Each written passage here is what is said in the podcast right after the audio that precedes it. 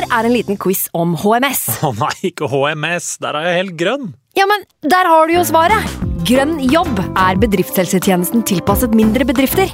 Våre HMS-eksperter hjelper mer enn 8000 bedrifter over hele Norge med alt fra lovpålagte HMS-krav til pålegg fra Arbeidstilsynet. Få på plass bedriftshelsetjeneste på grønnjobb.no.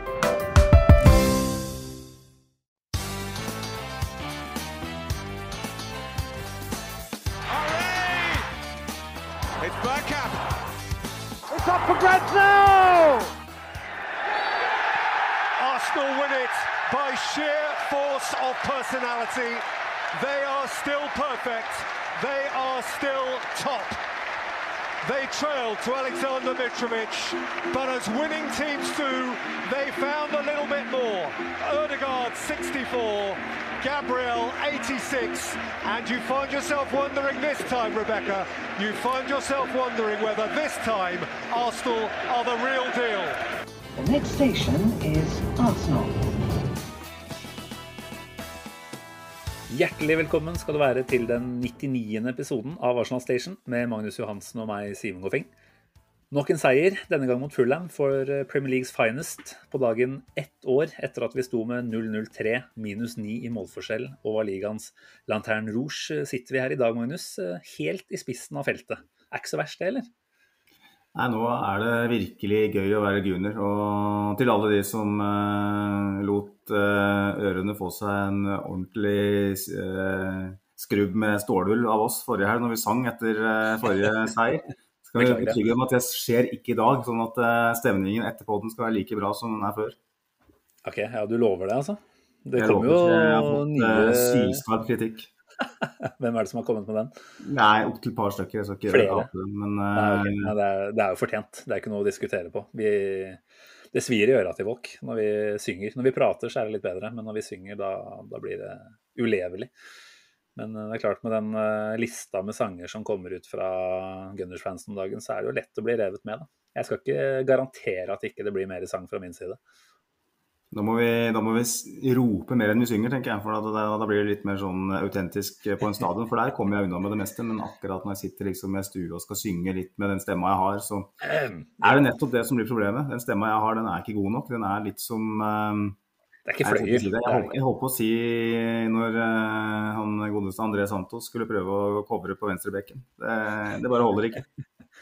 okay, Hvis du ser deg selv på den måten, så, så er det klart det er noe i veien med selvtillit nå. fordi så ille syns jeg ikke det var. Det må jeg være ærlig å si. Men det er greit. Vi, det er ikke det vi får betalt for, å synge. Så prate, det er der vi er best. Det skal vi Får betalt for det, så det vet jeg ikke om vi gjør. Men eh, det er bedre på å prate. Ja, nei, Vi trenger ikke å snakke om den økonomien, men uh, det er jeg som ser til alle inntektene våre, vet du. Mm. Du som sitter igjen med overskuddet. Yes. Ja, nei, vi har mye vi skal kose oss med i dag. Altså, skal vi snakke om seier nummer fire, da, fire mulig. Det skal vi vel egentlig bruke mesteparten av tida på, i tillegg til at vi jo må telle litt ned mot uh, enden på overgangsvinduet. Uh, litt å egentlig angripe der også. Det er flere spørsmål som har dukka opp kanskje nå etter Fulham-kampen også. Så um, i kjent stil så kan dette her ta litt tid. Uh, men vi håper at vi, vi klarer å være effektive. Så skal jeg ikke prate meg mer bort der enn en det. Men bare for å ta det aller først, før vi fortsetter videre. Altså, nå har vi som sagt vunnet fire seire. Funnet på fire egentlig litt forskjellige måter. Uh, forskjellige typer kampscenarioer. Eh, Mm. Hva slags eh, foretrekker du av det vi har sett til nå? Altså, vi har snakka om ditt litt eh, skal vi kalle det slitne hjerte, det er kanskje litt slemt, men eh, et hjerte som tidvis har trengt å tatt det litt med ro, i hvert fall. Åssen er det for deg da med en kamp à la denne her mot Fulham? Det er vondt. Aller først må jeg bare si at jeg har ikke noen hjertediagnose. Da. Jeg bare hadde litt eh, rytmeforstyrrelser for et års tilbake. sånn at eh, man begynte å lure på om det var noe galt, men det var det ikke. Um, og alle hjerter eh, som har hatt Arsenal-hjerter siste året, har jo slitt for så vidt på sin, sin måte. Men jeg foretrekker jo åpenbart den Bournemouth-matchen. Og etter å ha sett eh, at Liverpool eh, rel relativt greit tok seg Bournemouth på Anfield på, på lørdag, så tenker jeg at den type matchscenario skal vi kanskje ikke forvente. eh, den vi hadde mot Bournemouth. Altså, at vi får hver helg. Men det å ha den type kontroll som vi hadde da, er det beste. Samtidig, når det er sagt, for de som sitter på en pub pilser sammen med gode kompiser, så er jo den scenarioet som var i går, kanskje det beste. For da, da er kampen ferdig da. Da er det hodemist og overtenning i baren med en gang. Og det er jo det man, man ønsker som fotballsupporter. Man ønsker de øyeblikkene hvor man føler seg rett og slett høy på livet, har masse adrenalin. Men, eh, Så problemet her egentlig var ikke kampen, men da hvor du så kampen. Og det var som du sier da, ikke på pub, men på hytta med fammen. Og som du snakka om her tidligere, det gjorde at uh, din kjære datter fikk se fars verste sider nok en gang. ja, altså det, det var, Jeg har mest dårlig samvittighet pga. mora mi som inviterte til hyttetur for å feire sin 62-årsdag. Eh, og hvorpå jeg da oppførte meg eksemplarisk egentlig gjennom helga, helt til klokka da var eh, halv sju i, i, går kveld. Da ble det litt banning. og jeg måtte jo trekke inn på gutterommet til slutt. For at, eh, etter at når Mitrovic skåra, så da klarte jeg ikke å styre meg lenger. Så da satt jeg alene og så kom på det er vel like greit, egentlig. Jeg burde ha starta på gutterommet. Det. Eh, det var godt at det ikke var mor som sendte deg på rommet. i hvert fall. Forbi, men du, forbi. Men du, hadde jo, du skrev jo til meg at hjertet ditt hadde fått seg ja. en karamell, så jeg vet ikke hva det er. Jeg begynte å kile litt i brystet tidvis her, og det dukka virkelig opp nå i løpet av den andre omgangen mot Fulham. Altså, stressnivået var høyt. Jeg har vært litt sånn småsjuk og ligget ganske rolig i løpet av helga, så kan det litt med det å gjøre. At jeg plutselig var oppe i, i, stående i ganske lange perioder gjennom den kampen. Uh, mulig at uh, det var et lite sjokk for en, uh, en horisontalt innstilt 95 kilos kropp, og plutselig måtte opp og reise seg så mye. Men nei, jeg lurer på om, som du sier, altså, disse hjertene til oss Gunners, de, de får hard medfart opp igjennom. Altså, så Får se om man tar seg en tur til fastlegen i løpet av de neste dagene og få, få godkjent videre supporterliv. Det er som Wilhelm, eh, Wilhelm Tyskeberg eh, sa i det legendariske TV 2-klippet. Når han kommer til 80-åra, så blir han mer krakete. Det blir sånn når han kommer til 30-åra, sier men nå er du der òg. Da får man litt mer trøbbel når man er eh, villbass og ser fotball. Det er det ingen tvil om. Man må begynne å tenke når man passerer 30. Hvordan skal jeg forholde meg til det her? For hvis man Eh, er som en 20 år gammel jypling hver gang jeg ser fotball, så kan det hende at livet blir litt kortere enn det man hadde eh, forestilt seg. Nettopp det. Må huske på at eh, det er visse ting som dessverre går gal vei. Og det både alder og kroppslig forfall, det, det går nedover med begge deler. Mm. Gå oppover med alderen, skal sies. da. Eh, vi må bevege oss videre, men før vi på en måte snakker om vår opplevelse av kampen, så er det jo på sin plass å nevne at eh, vår alles eh, kjære supporterklubb, altså Arsenal Norway, jo var på London-tur i helga. De hadde jo lagt uh, årsmøtet sitt til Tollington fredag kveld. Uh, et referat der vi regner med at det dukker opp i løpet av de neste dagene på hjemmesiden. Så får vi heller la alle detaljer komme for dage der. Men de var nok relativt fornøyd med valget av, av match da, når det ble som det ble, tror du ikke det? Ja, klart det. at eh, Som jeg var inne på. Eh, når man vinner på den måten, og det er, det er CM-kamp i tillegg, kan, og det er lørdag, da kan man jo tillate seg å gå tilbake til nettopp Tollington og drikke inn eh, kveldstimene.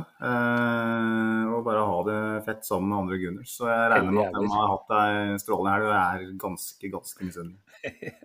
altså, stemninga på Emirates nå ser ut til å bare ta nye steg hver eneste uke. Altså, jeg syns det virka helt ellevilt, det. Og ser jo at det er flere som omtaler det i etterkant også som uh, altså noe helt spesielt om dagen. Og selvfølgelig det er senkamp på en uh, lørdag. Folk har rukket å få noe promille i blodet i løpet av timene før der. Men, uh, det er full dem også, ikke sant. Selvfølgelig kampscenario gjør at det blir bare en bedre og bedre stemning utover kampen, selvfølgelig. Men det er, ikke, det er ikke mange år tilbake før vi Eller det er ikke mange måneder tilbake, nesten. Før vi snakka om noen helt andre tilstander. Så det er en ganske magisk eh, forandring som har skjedd de siste månedene her.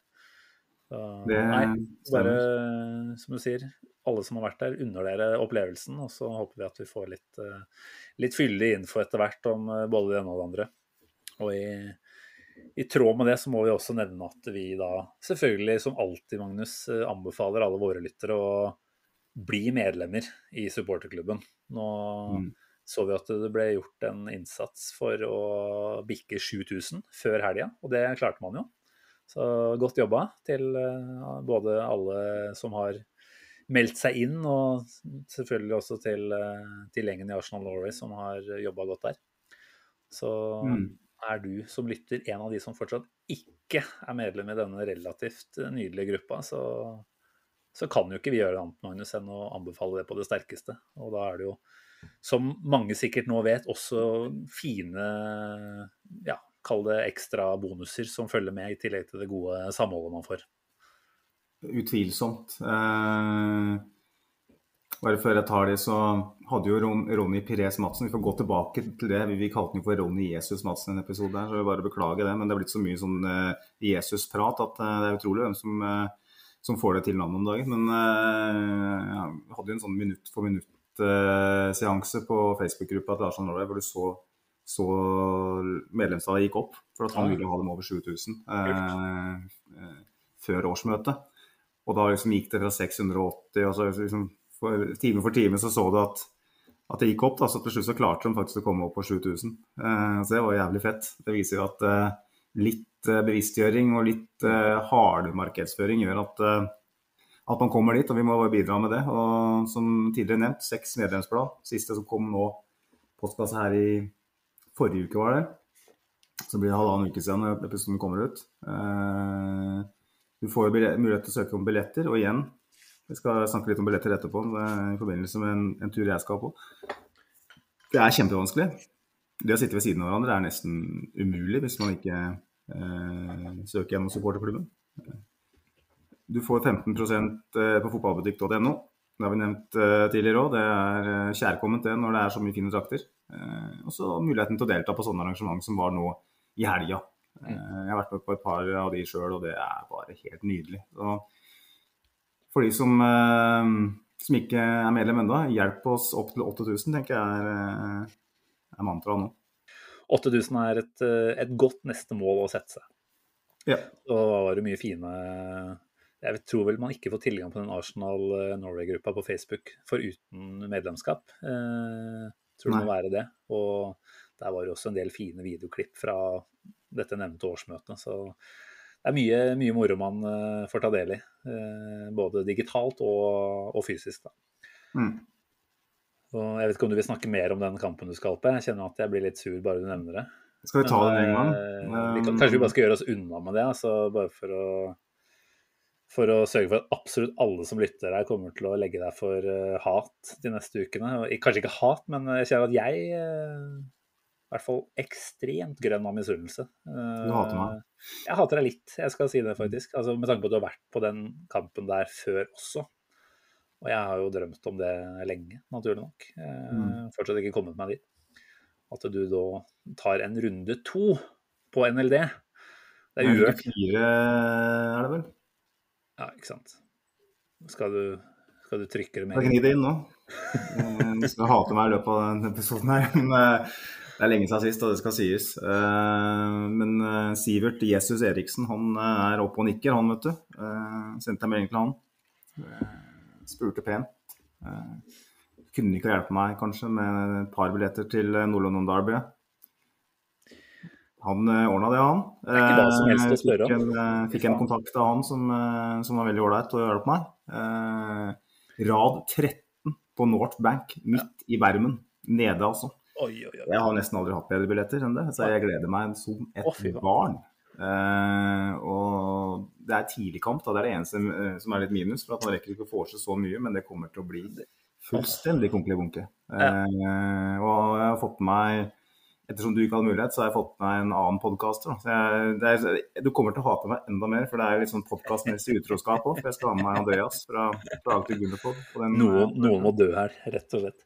Ja, så det er Hjertet mitt er jo dårlig, det vet du, så det kan jo godt hende at det skjer av det, den, eh, når det er tidligkamp. Må klokka ni, klokka åtte for å få seg til en sånn match. Så. Jeg må ikke, må ikke, konspirere mer live på air her. Altså, tar, jeg skal legge noen slue planer i, i bakhånd, så får vi se hva som dukker opp av uh, ulykke foran deg. Men du har jo tross alt uh, noe en gulrot, for å kalle det det, foran deg som jeg ikke har. Du skal jo på det oppgjøret som det vel snakkes mest om i billett-Arsenal uh, akkurat nå. Uh, ja. Arsenal Norge. altså bare for å ta det helt først, altså jeg unner deg selvfølgelig dette her. Så hvis noen av lytterne tror at det faktisk er noen noe, noe, vonde tanker og følelser fra min side, så åpenbart ikke. Jeg, jeg bare skulle ønske jeg var med sjøl. Eh, og så, ja, det er ikke synd på meg heller. Jeg eh, skal nordover en tur i midten av oktober, blir det vel. 13. er det vel Arsenal spiller borte mot Bodø-Glimt. Så ikke fått ordna billetter på bortefeltet, men uh, såpass heldig at jeg har en uh, god kompis oppe i Bodø som uh, følte at det var på høy tid å ta et besøk til nå passer det veldig bra da, vet du, og så se litt fotball samtidig. Så han hadde ordna et par billetter her, og da, da blir det tur på undertegnede også. Så nei, det er ikke, det er ikke sånn at man har det så gærent, Magnus. Det er jo kanskje en begivenhet man vil huske enda bedre, på sett og vis. Hvor ofte er Arsenal i Norge, og ikke minst på Aspmyra. Så det, det, det misunner jeg deg. Og... Ja, for hvordan var det da de var i Molde? Eh, da var det korona og 200 ja. tilskuere, eller? Var det ikke noe sånt? Jeg mener at det var ikke helt folketomt på den stadionet der, men det var jo helt sjanseløst å komme seg opp dit, i hvert fall. Det var vel ingen bortefans der, i hvert fall. Men det var én øh, fyr som satt på en slags VIP-tribune med Arsenal-skjerv som ble filma et par ganger. Ja, men det var det eneste røde vi så. Ja, så var vi vel uh, i Trondheim i 2004, var det vel. Sånn at det er, dette her er jo en sjelden og unik begivenhet. Og jeg føler det er enda mer unikt når det er en såpass liten klubb som Bodø tross alt er. Da. Så det, Nei, det blir eksotisk på sin måte.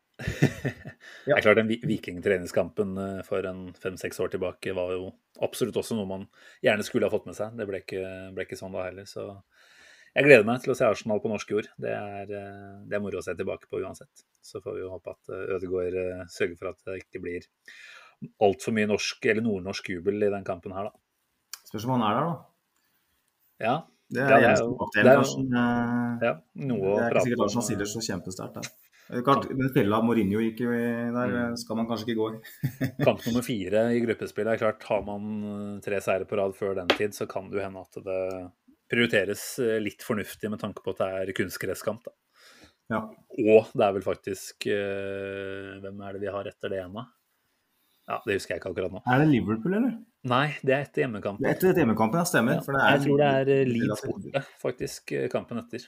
Og det, er så der bør man ha litt saft i beina. Ja, Vi skal ikke se altfor langt framover nå, så det kan vi komme tilbake til. Men nei da, altså, podden skal på tur, Magnus. Og så gleder jeg meg til vi skal på tur sammen igjen snart også. Det, Satse på våren. Det, lenge, det, høres lenge til, men uh, lenge til. Men vi, hvis vi har noe godt å se fram mot, så, så klarer jeg å telle ned og og gleder meg lenge nok, jeg, altså. Ja. Da var det jaggu meg godt uh, 20 snart, så da er det kanskje på tide å prate litt uh, Fullham-kamp, eller? Ja, jeg tenker det. Jeg regner med at noen allerede har trykka på den der 15 sekunders forward-knappen på Spotify nå for å komme hit. For det er vel det folk kanskje aller mest ivrig på å høre om. Så la oss eh, ta for oss det som foregikk på Emirates eh, lørdag kveld. Um, kan vel kjøre klassisk, Simen. Eh, lagoppstilling. Du kan svare på det. Hva, hva, Hva var det som eh, gjorde deg nysgjerrig og, og mm. spent uh, når du så den? Nei, det sier seg vel sjæl. Altså, det var to framtvungne endringer. Eh, det skal sies, da. Jeg sendte vel melding til deg idet lagoppstillinga kom ut, faktisk. At eh, da hadde jeg ikke tatt en god nok kikk over benken og sett hvem som var der.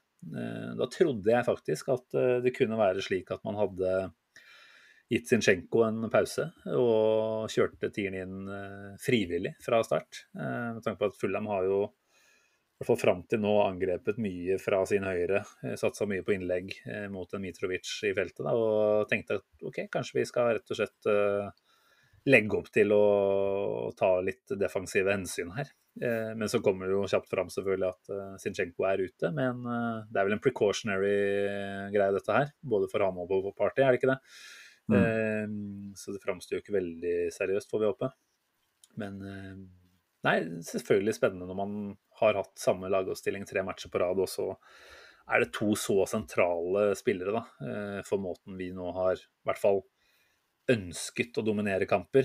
Ikke alltid klart det, men altså for måten Arteta har angrepet disse tre første kampene, så har jo både Zinchenko og hans dynamiske kombinasjonsspill med Chaka og egentlig med hele den venstre siden der. Eh, vært veldig sentral. Og, og, Party vet vi jo. Han er, han er på en måte den eneste DM-en vi har som gjør at vi kan spille på den måten vi ønsker, og, og som kan være med å skape ubalanse fra, fra en dyp midtbaneposisjon. Da. Eh, både i form av eh, eh, å ta med seg ballen og et pasningsrepertoar som er eh, relativt mye bredere enn det erstatteren kan by på, eh, uten mm. å skulle snakke ned han. så så er klart med Elneni inn der og Tini inn på venstrebekk, så så er man litt spent, selvfølgelig. Eh, kanskje ikke bekymra, jeg skal ikke si at jeg var det. Men uh, tenkte at det var nok krutt eh, i resten av gjengen som, eh, som sto utpå der.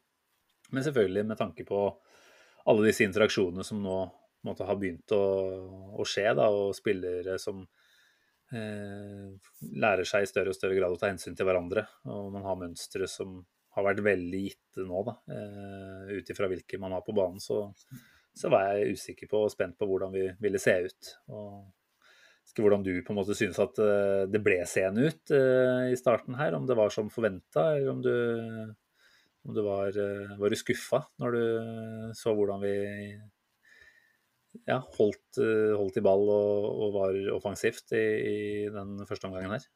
Nei, jeg syns vi for så vidt gjorde en grei jobb. Ja. Men eh, du mister jo ganske mye i, i midtbaneleddet med både Partey og Zinchenko ut. For mm. den progressive delen av spillet i midtbaneleddet forsvinner jo nesten helt. Um, El Neni er en likandes kar.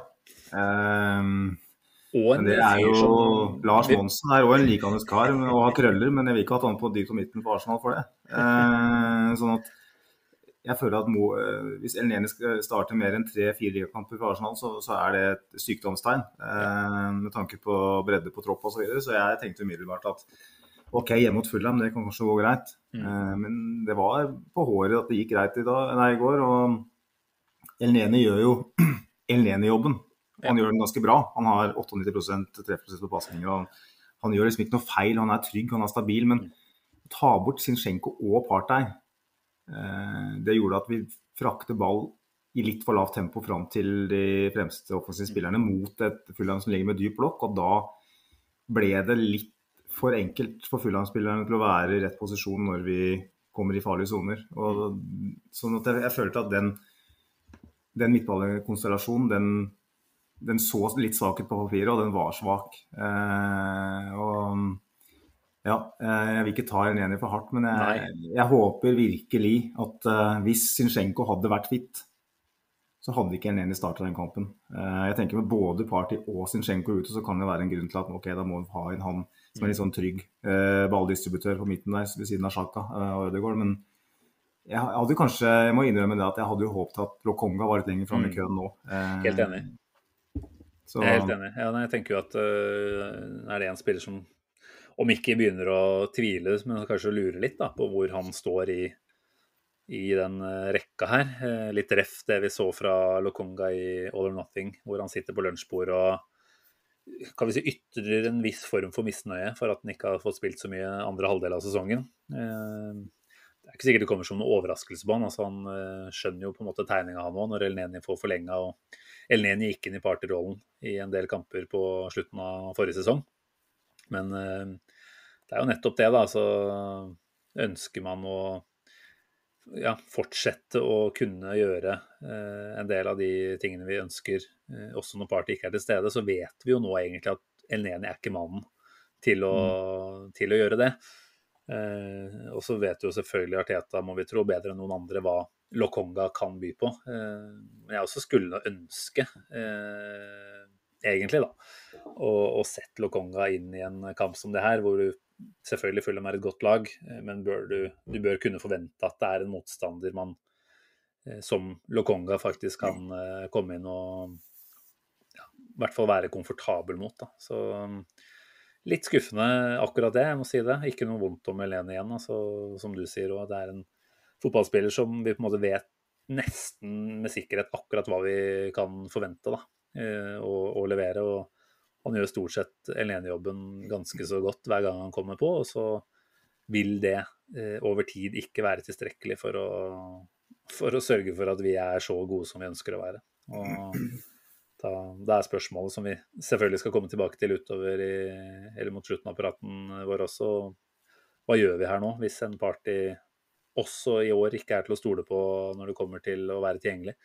Kan Mm. eh, vi tillate oss å gå i en eh, lengre sesong nå med en Leni som mannen, da, som faktisk skal bli stående der i flere kamper på rad? Det, det er store spørsmål å, å stille. Så litt, eh, litt sånn småskeptisk til hvordan vi som eh, lag eh, angriper bakfra. Det, det er man jo når, eh, når vi ser dette her. Men det viste seg heldigvis at vi hadde nok å, å by på framover allikevel i løpet av den kampen. her. Mm. Eh, Men første gangen, den eh, Foruten at vi har relativt god kontroll, egentlig, så, og har vel et par ålreite sjanser, så er det jo ikke noe sånn høydere, er det det? Eh, Saka kom jo Jeg husker ikke helt rekkefølgen her, men en av de første og beste er vel når eh, når Ødegaard spiller en kjempefin ball over til venstre, hvor Gabriel Jesus har trukket ut mot, eh, mot den ene siden av 16-meteren og, og legger den tilbake igjen til Sjaka, som fyrer av på hel volley Ja. med, med høyre. Hvor han kanskje egentlig skal gjøre det bedre, egentlig. Eh, litt uh, bedre kunne også legge tilbake fra Jesus har vært der. Uh, så har vi jo denne Saka-sjansen, som jo er veldig stor. Uh, Ja. Kommer jo egentlig alene, og så blir den, om ikke tatt igjen, så i hvert fall løpt opp litt av forsvarer. Nydelig sånn såle-touch der, eller med innsiden av foten, som gjør at den får noe på venstre. og kommer kanskje litt, altså Leno er god der, hun kommer ut og, og gjør målet relativt lite. og Da, da blir det ikke noe mål. Men uh, syns ikke at første omgang på en måte, det lukta ikke krutt på samme måte som eh, vi har sett uh, i andre kamper her nå. Det ble litt det derre Vi har sett uh, Det er på ingen måte hesteskoball. Det er langt fra det, heldigvis. Men det er eh, likevel et, et Arsenal som sliter litt med å bryte ned en lav blokk på hjemmebane. Um, og igjen, som vi snakka om, mangel på progressive spillere i, i, i midtbaneleddet spesielt gjør at vi Ja, eh, vi mangler rett og slett litt eh, tempo i omstillingsfasen. Og ikke minst så syns jeg kvaliteten på det som skjer på venstresida uten Zinchenko er på et helt annet nivå. Den tekniske sikkerheten veldig mye svakere. Eh, vi skal inn på det, men Tini har en begrensa kamp offensivt. Martinelli hadde en veldig rar kamp hvor han eh, gjør mye bra, men allikevel i de kan det avgjøre situasjonen, så, så sløser han. Sjaka, som du nevner. Um, hadde den avslutninga. I tillegg så hadde nå et innlegg. En, en av de få gangene hvor vi hadde full av ubalanse i første gang, så, så slår han et innlegg liksom, liksom blindt inn i feltet og er veldig utålmodig. Um, og det er liksom sånn Det som skjedde på venstresida, hvor vi faktisk klarte å Vi klarte jo en del ganger å, å få litt rom og litt tid på den sida, men det var for lite kvalitet. og det er så tydelig, men så, når, når, du har hatt en spiller i tre kamper da, i Zinchenko, og så er han ute i én kamp, og så ser du så tydelig at du savner han, og da vet du at du har skutt gullfuglen nå. Da. Så vi bare tro at han er tilbake allerede mot Villa, og at han, at han ikke er alvorlig skada. Det virka jo ikke sånn ut ifra det han O'Driscoll sa, var det vel? Ja, og det virka vel egentlig ganske greit sånn som han var med å feire seiersmålet til slutt der òg. Så jeg tror vi kan tenke at han ikke er ute i altfor lang tid. Ja. Det, det, må sies. Så frem til ikke den feiringa faktisk er med på å holde han ute lenger, da. Det var det, han ikke ble lagt i bakken av noen banemannskaper der òg. Deilig å se sånn engasjement. Man blir bare glad i tur. Ja. Nei, det var, det var, litt å sette fingeren på den første gangen der. Og selv om vi har masse ball, eh, så skal vi på en måte ikke lure oss selv til å tro at det betyr at vi har eh, masse farlig offensivt spill. For det var jo ball litt lenger bak i banen enn det vi gjerne skulle foretrekke. Så helt åpenbart at eh, det mangla noe der. Eh, flere ting du savna, på en måte. Altså, en ting er venstresiden, men hvordan syns du høyresiden fungerte? for så vidt kampen sett under ett. Vi kan jo komme litt mer inn på det når vi skal gjennom målene. Nei, bare Før jeg tar høyresida, så bare si at det var et tall jeg så på. så Thomas Party ligger på andreplass i, i, i Premier League på antall vellykka driblinger per match uh, så langt den sesongen. Og det er ikke noe overraskende. Han, han ligger som regel der oppe. Driblinger uh, som i da Forseringer, da. Passerer ledd, da, som på en måte var problemet litt i går. At det ble litt for mye på tvers og litt for mye bakover. Mens Elneni, da, som har 98% treff, han har ikke en eneste forsering. Eh, så der ligger det mye. Men uh, høyresida Jeg syns den funka ganske greit, men eh, jeg synes, Er det Robinson han venstrebekken til, ja. til Fulham? Han hadde masse trøbbel med Saka i første 10-15 minutter. Og så fikk han justert litt og fikk liksom litt kontroll på det. Etter det så Ja, det var, det var litt for lite eh, tempo i det som foregikk. sånn at han eh, Og Saka virka litt sånn jeg vet ikke, han, han, har ikke kommet så kjempegodt eh, gang, i gang med sesongen. Han har ikke vært dårlig, men uh, han, han, ble, han, ble, nesten litt nøytralisert der i mm. perioder, han, han bekken til Fulham. Mens Ødegaard han hadde noen fine eh, kombinasjoner tidlig. etter hvert så syns jeg Sako forsvant litt mer ut av kampen. Og mm. Ødegaard så skal vi inn på etter hvert. da for hans bidrag, det så du over hele banen for så vidt. Han var overalt. Uh, men det var liksom først ved andre omgang da Ben White begynte å galoppere litt oppover på sida. Jeg syns Ben White hadde en jævla god kamp på høyrebekk. Det skal sies både det, kom, det kommer seg der nå, altså. Det gjør det. Ja, veldig, veldig progresjon. Jeg sa jo i en pod her hvor det etter Leicester at, jeg, at, at, han kommer ikke til sin rett i høyrebekkerollen. Han får ikke mm. vist hvem han egentlig er. og det, det, skal jeg på en måte ikke korrigere meg altfor mye med, men at han tar steg som høyrebekk, det er det ingen tvil om. Han, han er jo delaktig i det, mm. det, som skjer over, det viktigste som skjer offensivt. Og jeg syns han er altså helt enorm én mot én. Altså. Både ja. offensivt og defensivt i den kampen her. Ja, så, eh, men særlig defensivt uh, generelt. Da. Altså, der er han, han er så trygg. Eller jeg føler meg i hvert fall veldig trygg uh, når han utfordres én mot én. Med tanke på at han uh, har fått et gult kort her og der, da, så er det lett å tenke at han har ikke alltid kontroll. Men de, altså, de gule kortene er jo stort sett si, vel gjennomtenkte eh, forseelser. Og så klarer han mm. faktisk å, å, stå kampen ut både mot Saha og nå også igjen mot, uh, mot uh, Fulham, da, med et gult kort fra relativt tidlig i kampen. Og mm. har jævlig god kontroll bakover, egentlig. Så nei, jeg er imponert over han, altså virkelig. Uh, mange ting vi kan diskutere. Så vi har fått spørsmål også om, om litt av dette med å komponere forsvarsrekka. Vi kan jo ta det, ta det litt seinere. Men uh, la oss jobbe oss gjennom kampen her nå først, Magnus. Uh, eh, 0-0 til pause, som sagt. Tar jo ikke Altså, jeg syns vi kommer godt ut i andre omgang. Uh, uheldige som ikke får et mål der. Og Gabriel Jesus vil jo være misfornøyd med å ikke sette Han blir vel spilt gjennom Eller spilt fra venstre fra Chaka, som er med framover. slår et litt sånn ja, ikke akkurat 45 graders, men eh, et lite lavt legg tilbake igjen, da, som uh, Jesus plukker opp uh, rett ved straffemerket nesten. Og det blir ikke helt fart i avslutninga. dessverre. så er det jo ikke mange minuttene som går da, før Fullheim er over på andre sida. Jeg vi skal starte med det Saka gjør, som er å spille en ganske høy ball fra høyreback-posisjon inn i 16-meteren vår, hvor eh, Gabriel eh, tar ned ball. Eh, ikke verdens beste første touch, og det er jo litt artig, for det er vel noe jeg mener at jeg husker at jeg hørte på en Arsblog-episode, hvor det ble snakket om at eh, hver gang Gabriel har et dårlig første touch, så er også den neste involveringen hans eh, ikke god. Og det motsatte òg, da. Hvis han har et godt eh, første touch, så så klarer han stort sett å gjøre noe veldig godt med ballen eh, i neste fase også. Eh, ikke at det var sånn at det var helt krise, men han fikk ikke lagt ballen akkurat der han skulle, og begynte å surre. Og tillater at Mitrovic eh, presser den vekk og, og setter den ganske kontant bak Ramsdale. Hva, hvordan så det ut på hytta di når dette skjedde?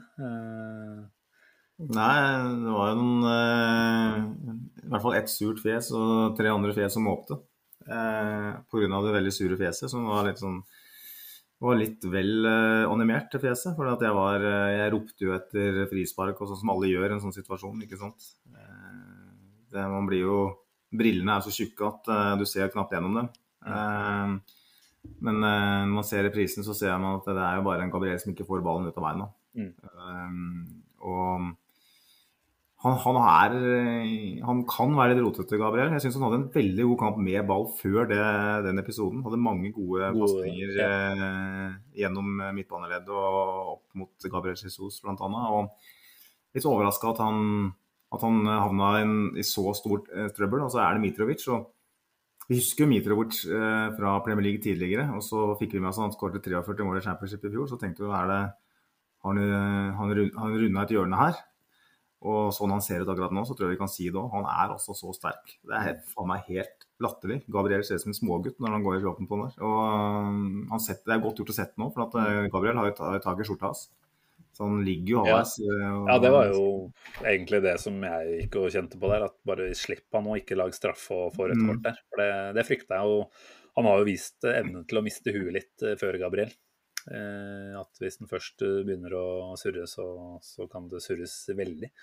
Så mm. nei, Det var for så vidt godt å se at den unngikk det. Men altså, det er jo en uh, diskusjon å ta, da. For det, han tilfører mye bra uh, på ball også, som du sier. Og han har venstrebein uh, som den eneste av stopperne vi har per i dag. Da. men vi kommer jo ikke unna at han er mindre ballsikker enn det Ben White er. Og med tanke på hva eh, Saliba nå har vist eh, de første rundene her, så er han, han er stopper nummer én i den klubben her nå. Eh, mm. Det er sykt å si allerede, men ellers, det, er, det, er ikke det. Det er ikke noe tvil. Liksom. Han er så fantastisk god. Så, så spørsmålet etter hvert blir jo kanskje igjen hvor viktig er det for Arteta å ha det venstrebeinet på den stopperen? Eller kan vi se at Arteta plukker inn en, en Ben White etter hvert da, og kjører Tomiasu på høyre bekk? Det kan absolutt skje. og I Artetas ånd, da, hvis man kan si det, så er vel Gabriel kanskje den, den eh, av de tre stopperalternativene man ser for seg at Arteta vil oppgradere på, eh, med tanke på ballsikkerhet og alt det der. Eh, hvor gift han er med det venstrebeinet eh, på venstre stoppeplass, det mm. får vi, får vi, se på. Men Saliba spilte vel der i, i Frankrike. Og eh, Saliba han tror jeg kan spille uansett hvilken posisjon på banen uten å falle gjennom. Så ah, faen, det blir spennende. spennende. Han er så jævlig god. Vi skal ta litt om han etterpå. Men, ja, vi kommer dit. Uh, uh, Salib, nei, Gabriel han, han, har noen sånne episoder. og Det blir spennende å se og følge med på. Vi vet jo at det har vært interesse for han fra, fra andre klubber. og hvis det kommer inn et bud på en halv milliard på han, så er jeg litt spent på hva Arsenal gjør. Eh, vi er, vi er jo ikke åpne for det nå. Altså, Akkurat nå, men så... kabalen på en måte lagt uh, for denne sesongen her. Uh, selv om Juventus sannsynligvis har vært interessert. Uh, det er i hvert fall de som har vært hyppig nevnt. Men vi får se hva som skjer til sommeren. Men nei da, det det er vanskelig å komme utenom Saliba i disse dager. Men vi skal som du sier, komme mer tilbake til den seinere. Eh, ja, da er det 0-1 etter eh, ja, ti minutter andre omgang, er det vel? Ja. Og da er vi jo et scenario som ikke er uh, særlig lystig sett med Arsenals øyne. Altså, vi vet jo alle hvordan uh, disse statistikkene ser ut. Uh, hvis vi kommer under uten å ja, rett og slett kommer under uten å ha skåret først, så, så snur vi ikke kamper. Voldskampen eh, som famøst nok ble snudd i fjor, det er jo den eneste eh, under Arteta hvor man har kommet fra underlege og, og vunnet. Mm. Og I tillegg så skrev jo Binjo før kampen her da, at uh, i da Arsenals uh, siste 17 Premier League-kamper, hvis de da har skåret i første omgang, så vinner de. Hvis de ikke har skåret i første omgangen, så taper de. Så da satt vi her faktisk ti minutter ut i andre gang og kunne tikka for egentlig to ting. Da. Vi hadde ikke skåra i første omgang, som skal tilsi tap. Mm. Vi ligger under, som også skal tilsi at vi taper, da. for vi spiller jo veldig sjelden uavgjort. Så med det bakteppet der, eh, så er vi jo ekstremt fornøyd med hvordan dette her utvikla seg. Da. For det, det, går jo da Det er vel ikke mer enn en åtte minutter eller noe sånt før vi er à jour. Altså, jeg begynte jo å se på klokka allerede når Mitrovic satte den inn. Da var det 55 ca liksom, faen, nå begynner vi allerede å få dårlig tid, nesten. Eh, men når Rødegård får den goalen etter eh, noen og 60, da, da, senker jo pulsen seg litt da umiddelbart. Eh, skal vi, mm. ta, skal vi ta målet sånn teknisk sett først? Altså, det er jo da er det Saliba som slår ball opp på Saka, som jo har kommet seg litt innover i banen. er ikke ute og slikker kritt, sånn som har gjort mye av kampen. Ben White er med framover, litt ref det vi snakka om i stad. Han er tilgjengelig. Eh, skaper et rom for Saka innover. Som for så vidt gjør det som Altså det enkleste der. Han slipper ballen videre til Ødegaard. Eh, en liten sånn uh, smålekker overstegsvariant idet han mottar ballen. Og så ser det ut som den ballen har en ganske fin retning mot lengste hjørne, der han traff mot Bournemouth. Men det blir jo da er det han Tosin Adarabio som går innom og setter Leno ut av spill. Jeg føler vi har sett det der før. Han er mm. deflekta goal foran Leno som han ikke klarer å henge med på. Så det var godt å se at den gikk i vår favør denne gangen, da. selv om selvfølgelig ikke unner Leno noe, noe, vondt sånn sett. Så det var godt å se at, at vi hadde de marginene på vår side. Da sto jubelen i mm. taket. Da sto jubelen i taket. Eller ja, eh, forsiktig jubel selvfølgelig. Eh, fordi man er jo fortsatt ikke i, i foran. Eh, hadde han vært på stadion, så hadde man jo dansa og ropt. Men det var en sånn kontrollert eh, eh fistpumping eh, for min del. Og eh, det, det handler, Den kampen her handla om å begrave spøkelser eh, mm. for min del. runde hjørner.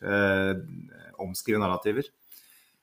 Martin Ødegaard som har blitt skyldt for å være en som gjemmer seg litt og blir litt borte når ting går imot. Han var den som virkelig dro opp Arsenal, som virkelig tok med seg resten og tok kapteinsrollen på alvor. Og at det er han som setter den, det er ikke tilfeldig. Uh, han har tre skudd i den kampen her, uh, som er nest flest. Han har fem vellykka driblinger, som er flest. Så han, han, er mye mer direkte her enn han var for bare to uker siden. Dette, dette her er en spiller som vi har lært oss å kjenne etter hvert, på godt og vondt. Mest godt. han bruker litt tid på å komme i rytmen ethvert avbrekk for Martin Ødegaard gjør at han faller litt tilbake, blir litt forsiktig, blir litt passiv. Når han finner rytmen, så er han helt fantastisk. Da er han når grenser til verdensklasse. Og i går Vi skal ta kampforløpet, men i går så, så var han verdensklasse. Og han er så direkte. Han, har fire, han mister ballen fire ganger. Det er veldig ulikt Ødegaard, men det er veldig positivt. For det viser at han prøver.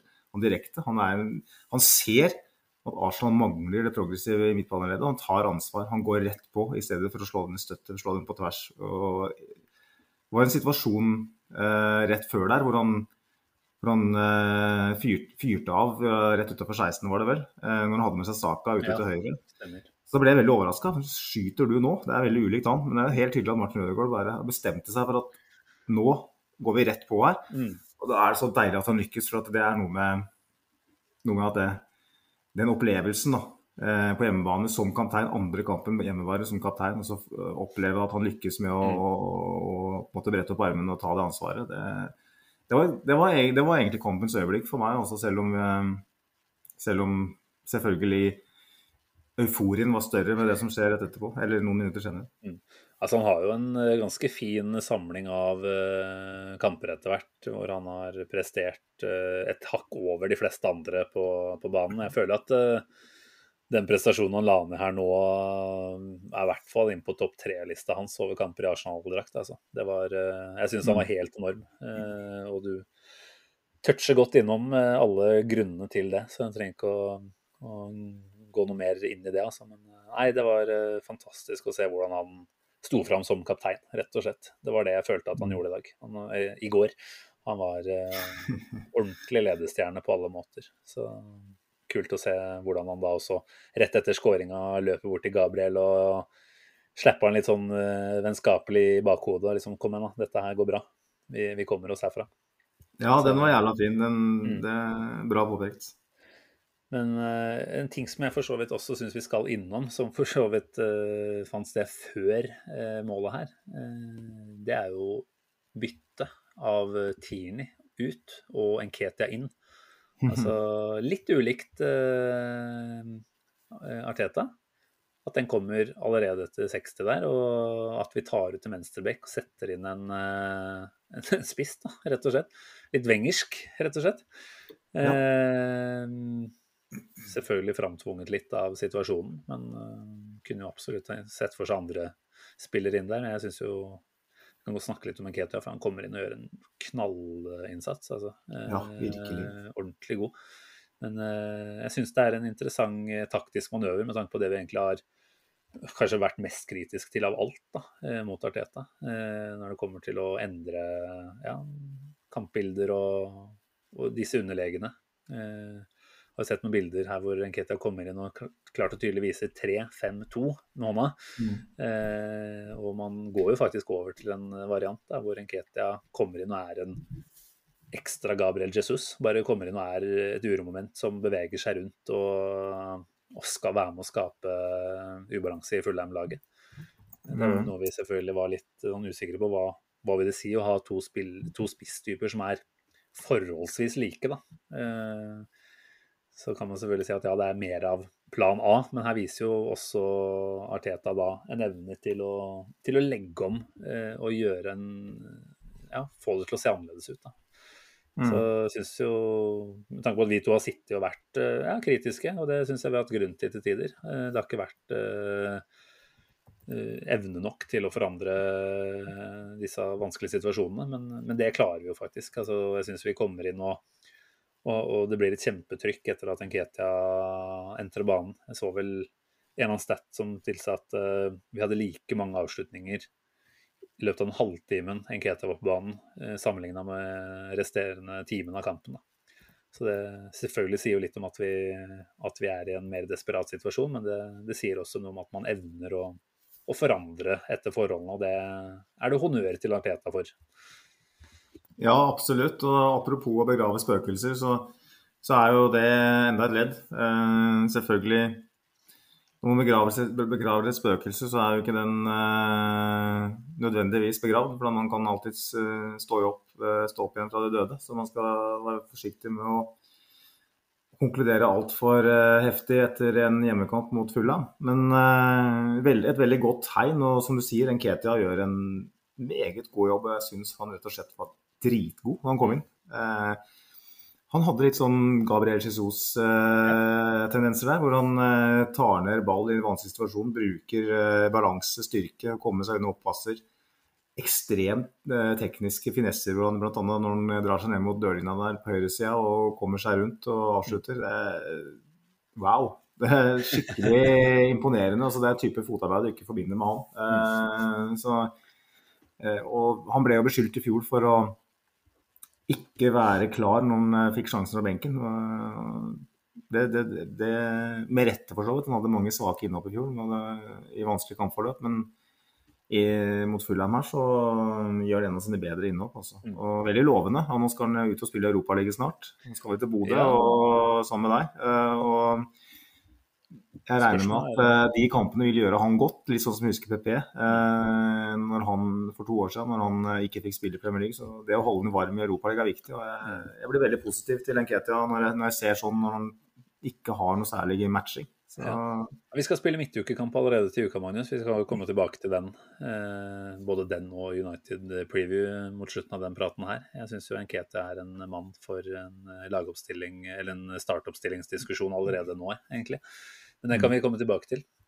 Eh, 1-1 ved Ødegaard, altså. Og så har vel faktisk eh, Fulham en ganske rask mulighet til å komme tilbake, hvor eh, de får corner. Skulle vel aldri vært corner.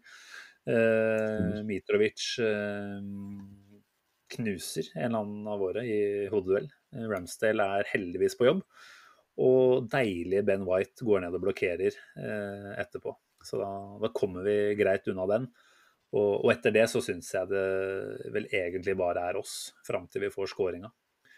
Eh, Mm. har vel en, eh, det er vel ett kjempegjennomspill fra Ødegård, hvor eh, dine Øtzil-våte fantasier kommer litt til nytte.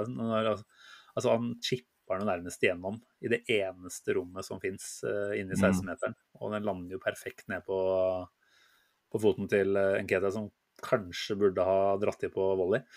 Men uh, får den ikke helt under kontroll og rekker ikke å, å fyre av før han blir blokkert. Da.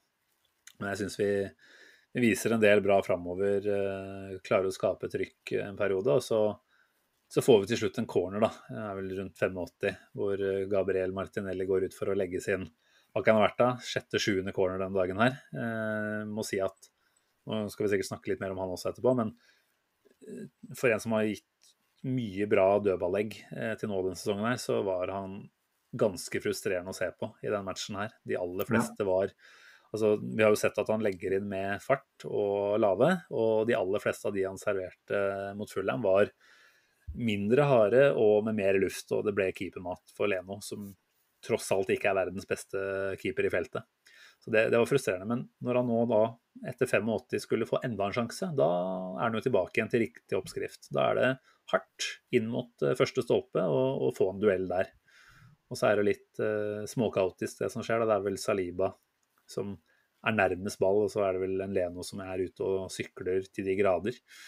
Eh, Saliba toucher vel ballen med et eller annet. Det ble vel sett på en handball, men det var ikke i nærheten, selvfølgelig. Og Gabriel eh, får muligheten til å gjenoppreise æren sin når han får satt inn 2-1, da. Eh, nok en corner goal, som jo selvfølgelig er positivt når, alt, når, alt, annet ikke går inn. Men eh, da var det i hvert fall jubel i stua. Da ble det Da var fistpumpinga mindre kontrollert, ja. Mista det helt, akkurat som Salima. Da kunne det ha gått uh, på dekorasjon av løs hvis det hadde vært dekorasjon på veggen. Det var det ikke, heldigvis. Og um, den viljen Gabriel viser, det er bare helt sjukt, altså. Han er Det er litt for mye vilje av og til i Gabriel. Det er litt derfor han roter litt òg, men uh, akkurat på død, offensiv dødball så, er, så bor det et sånt instinkt i han også. Mm. Da, da, det er nesten noe brasiliansk over han. Da er fotball aller viktigst i verden. Og han skårer vel da sitt første mål for sesongen. Han hadde flest av alle stopperne i Premier League i fjor, med fem. Tipperen kommer opp med noe lignende i år òg, hvis han starter de fleste kamper. Han, eh, han er sylskarp. og Det er ikke en trademark i Gabriel Gaul med hodet, det er bare en, en, som bare er jævlig på og lukter den. Eh, får den fra, som du sier, sin eh, stopperkollega Sariba. Og en kamp hvor de offensive S-ene minus Ødegaard hadde en litt kladdete dag på jobben, så, så trengte vi at, uh, at, vi fikk noe fra, fra, en stopper. og Det er en enorm styrke uh, mm. å ha. og det, det, trengte vi ganske ofte i fjor. Jeg tror ikke vi kommer til å trenge det så mye i år. men når vi virkelig trengte det, så, så steppa han opp, sjøl om han selvfølgelig har skyld i, i bakbengsen. Så nei, det var, det var, et deilig øyeblikk. Og mm.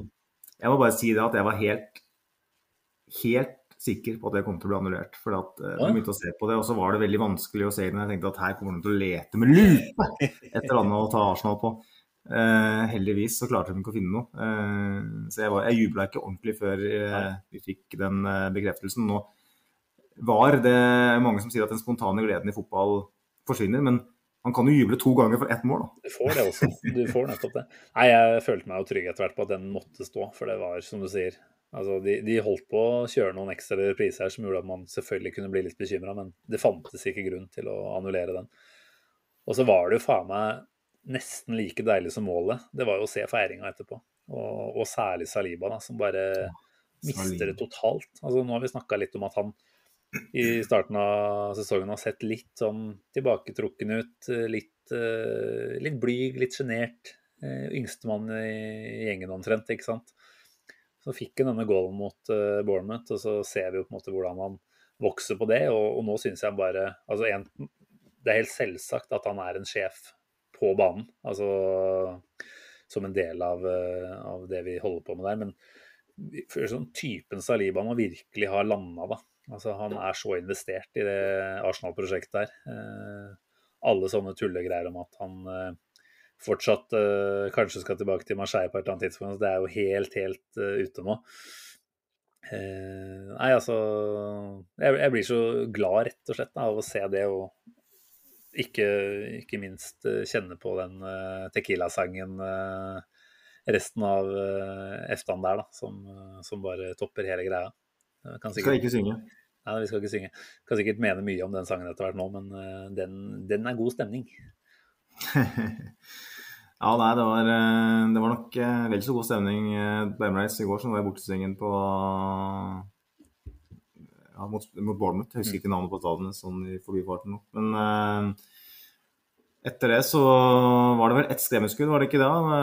På overtid der, hvor Fulham vel fikk fyrtall. Uh, Ramsdale var uh, det er ganske, ganske stort skremmeskudd òg. Altså, ja. Når du ser den reprisen der fra bak mål, fra Ramsdale sitt uh, synsfelt, da, omtrent, så, så, er det jo nesten utilgivelig hvor alene den fullhands-spilleren får komme til.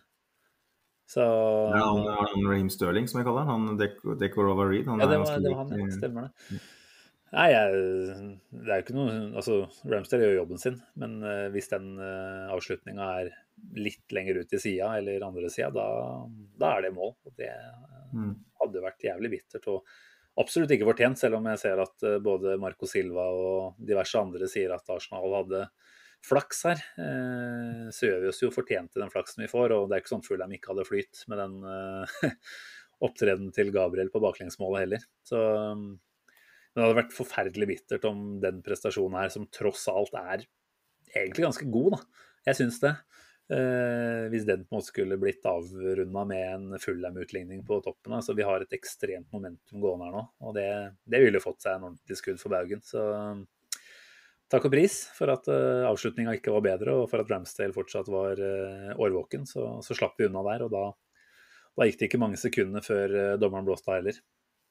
Nei, og det var jo Apropos gode øyeblikk, så var jo det som jeg skrev på Twitter eh, på vår konto, så er det lenge siden pulsen har vært der. Eh, det har jo vært eh, stort sett kontroll når, når vi nærmer oss 85-90 den sesongen her så langt. Og her var det høy, virkelig høy puls, altså. Og følte ikke at man hadde helt kontroll på det tidspunktet. Det var, var kaotisk. og Nei, det var en sånn type rotekamp hvor man, hvor, hvor man kunne med mildt uflaks ha avgitt poeng. Eh, mm. Men man klarer å, å ro det land, og da, da, bare bygger man en ny steinblokk på det, den borgen som vi er i ferd med å bygge. Og nå vant jo alle de andre topp seks-klubbene en helg her. Det er ikke så ofte det skjer at alle topp seks-klubbene mm. vinner samtidig.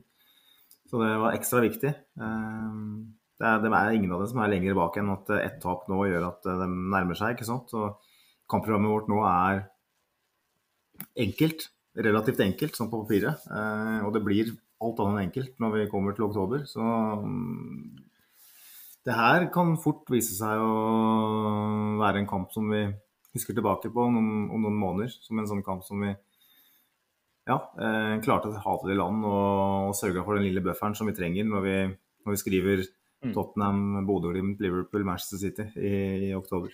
Ja, det drar seg til der, altså. Så den, den trengs, den, eh, den, solide rekka her nå. Og da, da, var det lov å feire litt, vil jeg si, da, når man eh, kommer tilbake og forlenger en uh, solid seiersrekke. Uh, kjempestemning. Uh, Tequilaen gikk på, på tribunen, og alle var glad så ser vi jo da Jeg orker ikke å bruke for mye tid på det, men jeg syns det er verdt å nevne at det fins fortsatt noen sinte, sure, gamle dinosaurer av noen fotballkommentatorer på Bean Sports nede fra Arabiske Emiratene et eller annet sted. Richard Keys og Andy Gray. Eh, jeg tipper de fleste som hører på her, har fått med seg det tominuttersklippet som har gått på Twitter nå, eh, hvor de følger feiringsscenene, jubelscenene, etter, eh, etter at dommerne har blåst av kampen nå. De kan ikke skjønne, de fatter ikke, de begriper ikke at Arsenal skal være så glad etter å ha vunnet mot Fulham. Altså, det er Fulham, det er et nyopprykka lag. Kan, ikke, kan ikke juble da, Magnus? Nei, det må du ikke finne på å gjøre.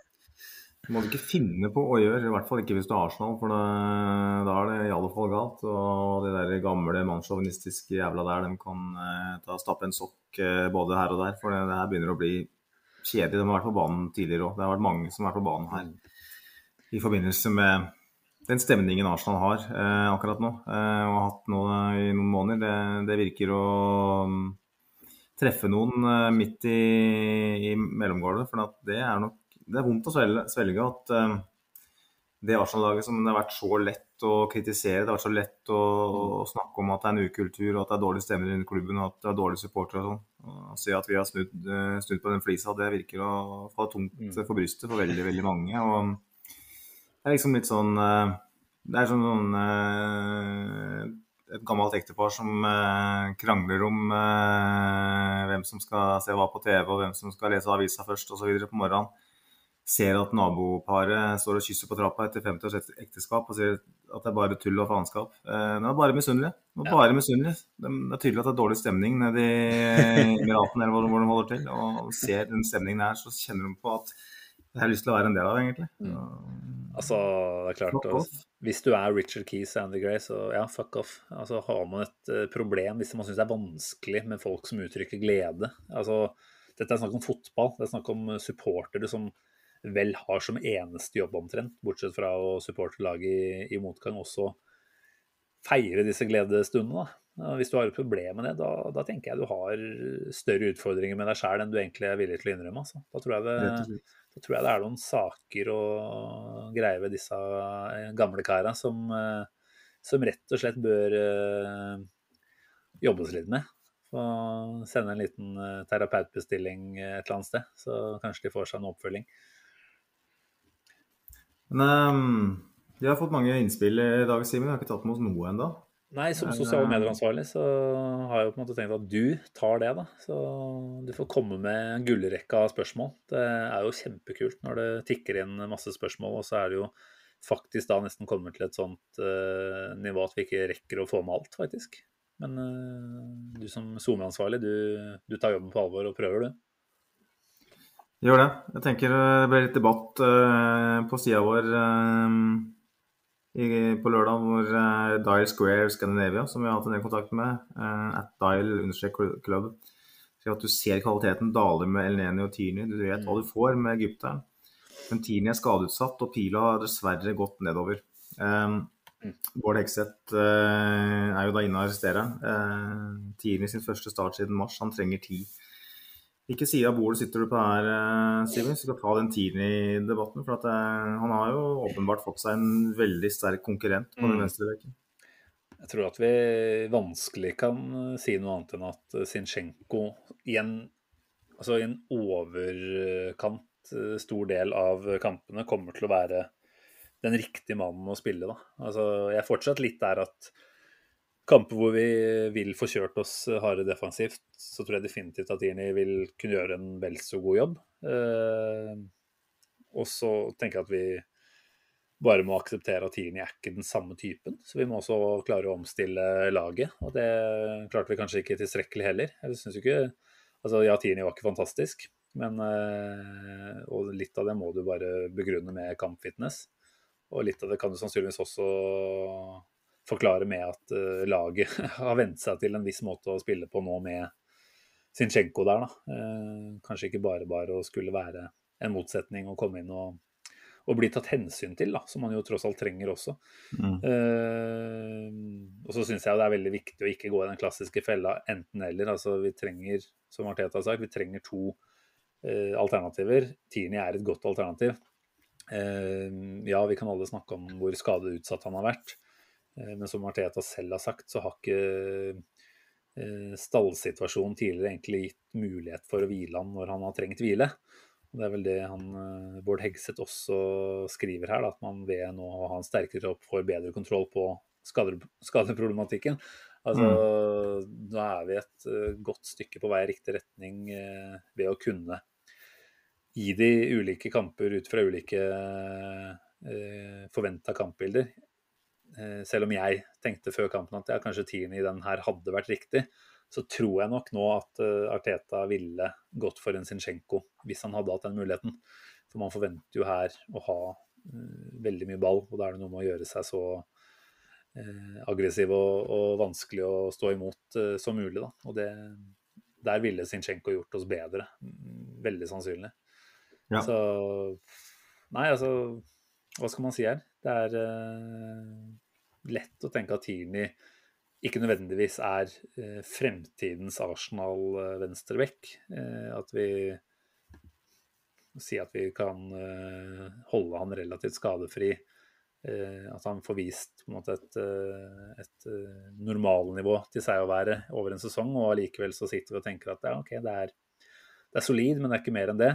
Kanskje vi beveger oss videre fra han neste sesong om vi får et bra bud. Jeg ser ikke bort ifra at den den muligheten er til stede. Men eh, det er jo å se litt unødvendig langt fram akkurat nå. Men eh, jeg tror vi kan ikke konkludere med, men jeg tror vi kan si ganske sikkert at i 70% av kampene eh, så kommer Arteta til å ønske å kontrollere. og ønske at vi har et ballinnehav som er større enn motstanderen. Så da tror jeg i utgangspunktet at Tini må ta til takke med en benkeplass, så fremt skadesituasjonen tilsier at uh, Zinchenko er, eh, er fit og, og, klar for å spille. Og så Nei. Tror jeg kanskje at Tini har uh, sin store forse i de kampene hvor vi møter presumptivt uh, overlegne motstandere. Da. Eller i hvert fall uh, motstandere som vi mm. må ta mer hensyn til defensivt. Men kan ikke du komme med dine fasitsvar her? De er ofte bedre. Nei, det er jeg ikke enig i, men jeg tror alle vet hva jeg mener om situasjonen med Kieran Tierney, hvordan den har vært. Um, evig glad for at vi har fått inn en erstatter eller konkurrent, kall det hva du vil der. Og veldig glad for at Kieran Tierney nå overlevde den kampen her og, og fikk den, de 90 minutta som han trengte under beltet. Uh, tror det kan være veldig nyttig at, uh, at han får litt matchtrening. Han kommer til å få det i Europaligaen etter hvert òg. Og som du sier, kampforløp vil uh, i stor grad styre hvem som starter. Og det å kunne rotere litt på bekkene, det, det er viktig når du spiller så mye matcher etter hvert, når det er Europacup i tillegg. og det, de back-rollen i dagens fotball det er jo voldsomt krevende roller fysisk og mentalt. ikke sant? Mm. Du skal uh, ikke bare ha kontroll på det som skjer defensivt, du skal bidra i det oppbyggende og du skal være litt overalt. Sånn. jeg tror det er sunt, veldig veldig sunt at vi har den situasjonen vi har. Mm. Um, vi har fått flere spørsmål. Vi kan kanskje ta en liten runde med to-tre stykker i hvert fall. Nikolai Hagen på Twitter, at Nikolai Hagen, han uh, vil prate litt om Sakas rolle. Han spør er han litt skadelidende uh, for at White ofte blir én av tre bak og ikke kommer like mye på utsiden, slik han, at han kan gå innover. Synes han faktisk har vært friskere med Tomiyasu og faktisk også Cedric. Um, hva tenker du, Simen? Mm. Er du, er du bekymra, eller er det bare litt sånn treig start? Ja, Vi snakka litt om uh, høyresiden for så vidt generelt, men også Saka forrige, etter forrige kamp mot Bournemouth. Hvor vi jo da, da, så at White kom rundt, som man har etterlyst litt. Og noe som umiddelbart gjorde at uh, Saka får flere valgmuligheter. Han er ikke da nødvendigvis isolert uh, ute på krittet og må, nei, må angripe to uh, forsvarere. Um, når vi ser Tom, nei, White komme rundt igjen, da, som man gjør på 1-1-målet her mot Fulham, så gir det igjen Saka flere friheter innover i, i banen. Så det, jeg tenker at det er ikke noe tvil om at det påvirker han. Uh, det tenker jeg høres helt logisk ut. Og så blir det spennende å se hvordan White fortsetter og eventuelt bidrar offensivt, om det er en tilpasning som gjøres. Og så mm. tror jeg samtidig at vi kan si at Saka ikke ser 100 ut. Ja. Eh, at det er en vei å gå der. Det var vel en som skrev noe rundt det også. Eh, var det Ja, det var Silje Svendsen, trygdeturi, som rett og slett da spør om saka ser litt sliten ut. Eh, tung jobb for han. Vil mye.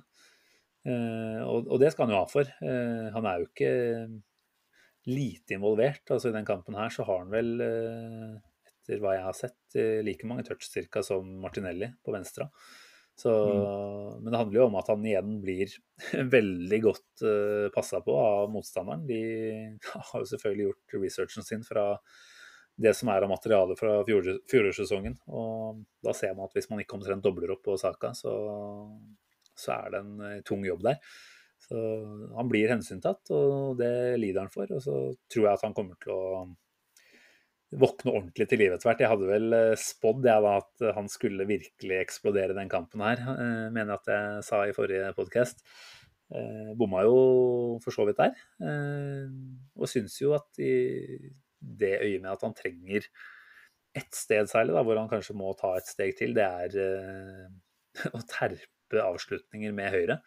For jeg mm. syns vi nå kanskje han, han, kan gå ned på dørlinja og legge inn, det har vi sett man gjøre flere ganger. Men jeg føler at hvis han kunne lagt til det elementet der også, da, at han faktisk kan gå eh, mot, men også da trekke mot sin høyre fot og avslutte. Eh, nå var det et innlegg det han eh, sendte av gårde mot Palace som ble 2-0-skåringa.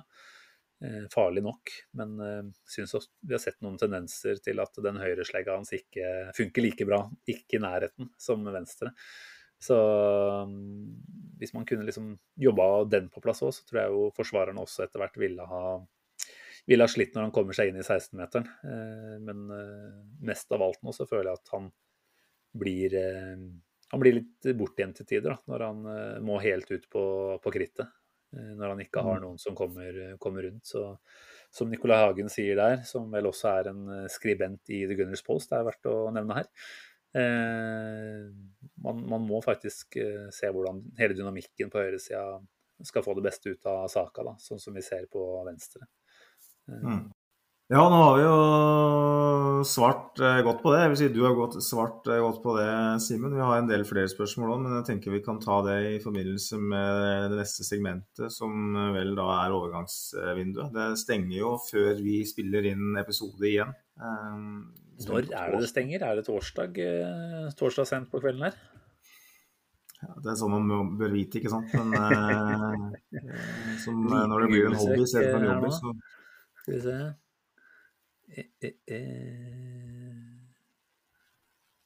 eh. Så ikke synge i mellomtida, sånn som det er på sånne telefonsvarere når man venter på noe. Men um, du kan jo lete etter det. Klokken, uh, altså norsk tid snakker vi jo da klokken uh, 24, altså ved, ved, midnatt. da, 23 engelsk tid på torsdag. Ja, stemmer. Ja. Torsdag, ok. Så da, da nærmer man seg jo et slags klimaks eller antiklimaks sånn sett, med tanke på mm. overgangsvinduet. Spennende å se hva det blir. Um, vi kan jo kanskje legge grunnlaget med et spørsmål. For at uh, man begynner jo å frykte litt nå, Simen, at, uh, at det ikke kommer til å skje noe. Det er liksom tre-fire dager igjen, og det er ingen sånn veldig sterke rykter om noe som skjer. Vi vet at det er en interesse for Pedro Neto, uh, men mm. noe mer enn det er det ikke blitt meldt. Av og til så kommer det sånne lyn fra, lyn fra åpen himmel, som man sier. Men uh, som regel så får man jo en del informasjon i forkant. Mm. Uh, så man begynner å miste litt trua på at det faktisk kommer til å skje noe som helst. Uh, Jonas L. Lundsvold skriver jo er jo for avhengig av party. Vi må få inn noen i hans rolle. Uh, og det er litt uh, sjargongen. Lars Tore Resvold på Twitter og han spør hvis Arsenal kan gjøre én signering til før vinduet stenger, hvem må inn og hvorfor? Um, mm. Er det midtbanespilleren? Også nå har vi snakka mye om den der angrip, angriperen. Ja. Jeg var ganske tydelig på det i forrige pod at, at det er det som kommer til å skje hvis det skjer noe. Mm. Og det står jeg ved. Uh, men så ser man igjen at det er El Neni, da. Hun kommer inn uh, når Party er ute i en match. Uh, ja, og det er jo det store spørsmålet her. Altså, er Party ute i én match? Eller eh, er hans skadehistorikk nå såpass Altså i Arsenal-drakta, da, vel å merke. Han har vel en ganske ålreit statistikk i Atletico. Men i Arsenal-karrieren sin så har han jo hatt Hvor mye snakker vi her, da? Ti kamper per sesong til nå, i hvert fall. Hvor han har vært borte, vel. Kanskje mer? Ja, han har jo nesten mista. Er det såpass? Ja, okay. Han har mista mye. Han mista mye, det er ja. alt jeg kan si. Jeg så på det her for noen måneder siden, men mm. Um, jeg syns det er vanskelig å altså Hvis man, som Lars Store Resvold sier det her, at hvis man kan gjøre én signering til, da føler jeg at vi nå er der at den signeringa må være en partyerstatter uh, så godt det lar seg gjøre. Da. Det er ikke bare bare å skulle ut og finne noen som gjør partyjobben like godt. Eh, men som vi har snakka om, vi vet at Elneni nå ikke gjør akkurat den type jobb, han gjør en annen jobb. Eh, mm. Hvis man tenkte at Lokonga skulle være en partierstatter, og nå egentlig har sagt at Elneni er det istedenfor, da føler jeg jo at man bør ut og hente det som kan være vår nye defensive midtbanebackup. Det må jeg bare si. Hvis det er én prioritert eh, signering, så er det det, altså. Sånn sett kan man mm. kalle det en liten blessing in disguise, kanskje. At uh, den uh, på party kommer nå før uh, overgangsvinduet stenger. Hvis man hadde tenkt at han kanskje er forbi skadeproblematikk og at det er under kontroll, så selv om dette kanskje bare det er en liten precautionary greie, så, så ser man jo at han igjen mister kamp. Da. Mm. Det blir spennende å se hva, hva det har å si for Villa og United-kampen. Men, men jeg tenker at det nå er nok en uh, påminnelse til uh, Jeg tror ikke Arteta egentlig trengte den, men kanskje til de over han igjen. Uh, om at her må man faktisk splæsje en del cash og hente kvalitet. Fordi man kan ikke belage oss på at Party tilbyr den kvaliteten over en hel sesong. Da. Mm. Og hvis han ikke er der, så ja, igjen, da ser vi at vi ikke har en erstatter. Så jeg syns også at Teta i et par av de siste pressekonferansene nå, det var vel var, var det både etter Leicester og, og før Leicester Nei, Leicester, sier jeg. Fulham. Eh, at han var ganske tydelig på at med de utgående spillerne vi har sett nå, så er vi short. Ja. Klarer jo egentlig ikke å bli så mye tydeligere fra hans side. Altså, vi trenger noe mer. Selvfølgelig kan man si at sett i lys av PP-avgangen, så, så, er det en kantspiller eller en angrepsspiller man da må få inn. Og det tenker jeg absolutt også er må være et mål. Men, men med nevnte faktorer her nå, så, så tenker jeg at Party er mannen vi først og fremst må finne en mulighet eh, på overgangsvinduet for å erstatte. Da. Eh, jeg vet ikke hva mm. du, hva du ser på her som prioriteringsrekkefølge?